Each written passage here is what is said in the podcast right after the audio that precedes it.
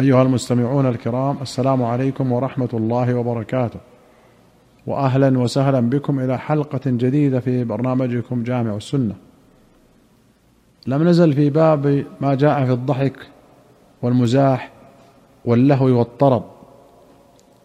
في حديث عائشة عند البخاري ومسلم حينما قالت رضي الله عنها دخل علي رسول الله صلى الله عليه وسلم وعندي جاريتان تغنيان بغناء بعاث. في رواية أن أبا بكر دخل عليها وعندها جاريتان في أيام منى تدففان وتضربان والنبي صلى الله عليه وسلم متغش بثوبه فانتهرهما أبو بكر فكشف النبي صلى الله عليه وسلم عن وجهه فقال دعهما يا أبا بكر فإنها أيام عيد وتلك الأيام أيام منى وفي أخرى قالت لقد رأيت رسول الله صلى الله عليه وسلم يوما على باب حجرتي والحبشة يلعبون في المسجد. ورسول الله صلى الله عليه وسلم يسترني بردائه. أنظر إليهم. ثم يقوم من أجلي حتى أكون أنا التي أنصرف. قالت فزجرهم عمر. فقال النبي صلى الله عليه وسلم أمنا يا بني أرفدة يعني من الأمن. وللبخاري ومسلم عن أبي هريرة قال بينما الحبشة يلعبون عند رسول الله صلى الله عليه وسلم بحرابهم إذ دخل عمر بن الخطاب فأهوى إلى الحصباء فحصبهم بها. فقال له رسول الله صلى الله عليه وسلم دعهم يا عمر. يوم بعاث يوم كان فيه حرب بين الأوس والخزرج قبيل الإسلام. والدرق جمع درقه وهي الترس. وقوله تدففان أي تضربان الدف. وأرفده لقب للحبشه قال النووي اختلف العلماء في الغناء فأباحه جماعة من أهل الحجاز وهي رواية عن مالك وحرمه أبو حنيفة وأهل العراق. ومذهب الشافعي كراهته وهو المشهور من مذهب مالك. واحتج المجوزون بهذا الحديث. وأجاب الآخرون بأن هذا الغناء إنما كان في الشجاعة والقتل والحذق في القتال ونحو ذلك مما لا مفسدة فيه بخلاف الغناء المشتمل على ما يهيج النفوس على الشر ويحملها على البطالة والقبيح. ولهذا قالت وليستا بمغنيتين أي ليستا مما يتغنى بعادة المغنيات مما يحرك النفوس ويبعث الهوى وليستا ممن عرف بإحسان الغناء. ولا ممن اتخذ ذلك صنعة وكسبا. وفيه أن ضرب دف العرب مباح في يوم السرور الظاهر وهو العيد والعرس والختان. وفيه أن مواضع الصالحين وأهل الفضل تنزه عن الهوى واللغو ونحوه وإن لم يكن فيه اثم وأخرج أحمد والبخاري في الأدب وأبو داود والترمذي والطبراني في الكبير.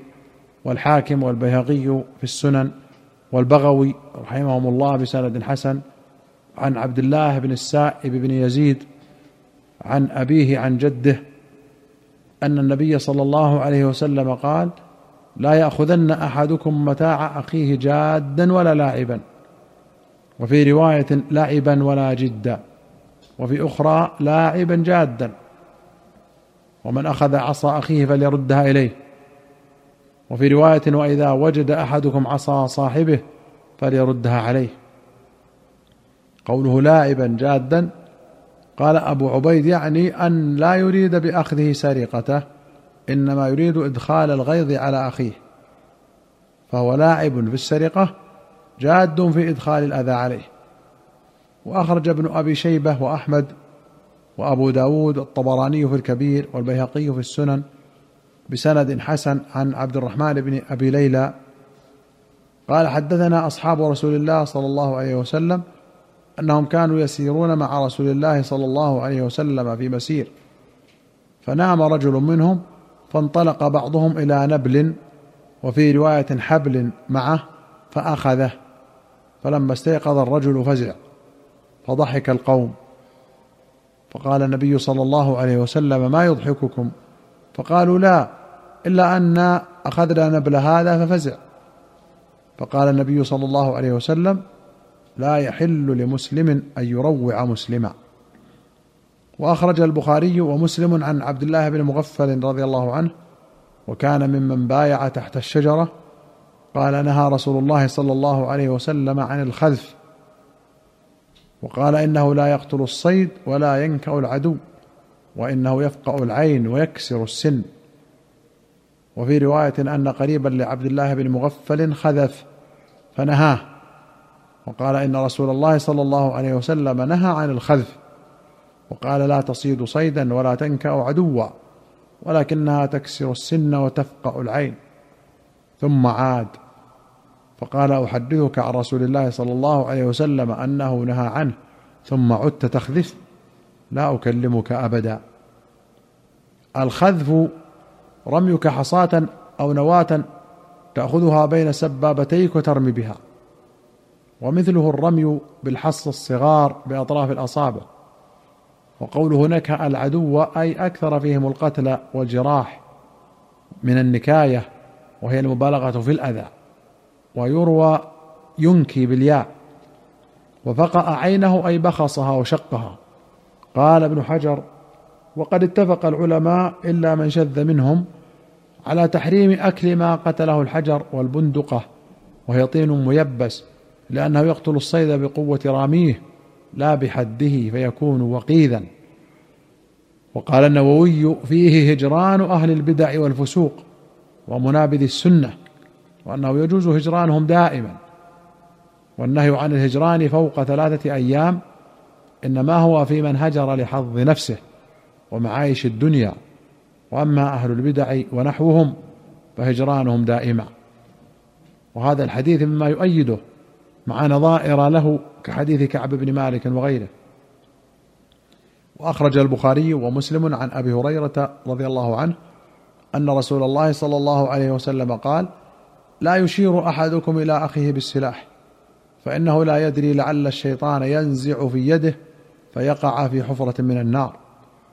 ولمسلم قال سمعت أبا القاسم صلى الله عليه وسلم يقول من أشار إلى أخيه بحديدة فإن الملائكة تلعنه حتى يدعه وإن كان أخاه لأبيه وأمه. قوله لا يشير أحدكم كذا بإثبات الياء نفي بمعنى النهي وهو أبلغ ووقع لبعضهم لا يشر بغير ياء. وقوله ينزع بالعين المهملة في جميع روايات مسلم ومعناه يرمي في يده ويحقق ضربته. وعند البخاري بالعين المهملة وبالغين المعجمة ينزغ من نزغ الشيطان.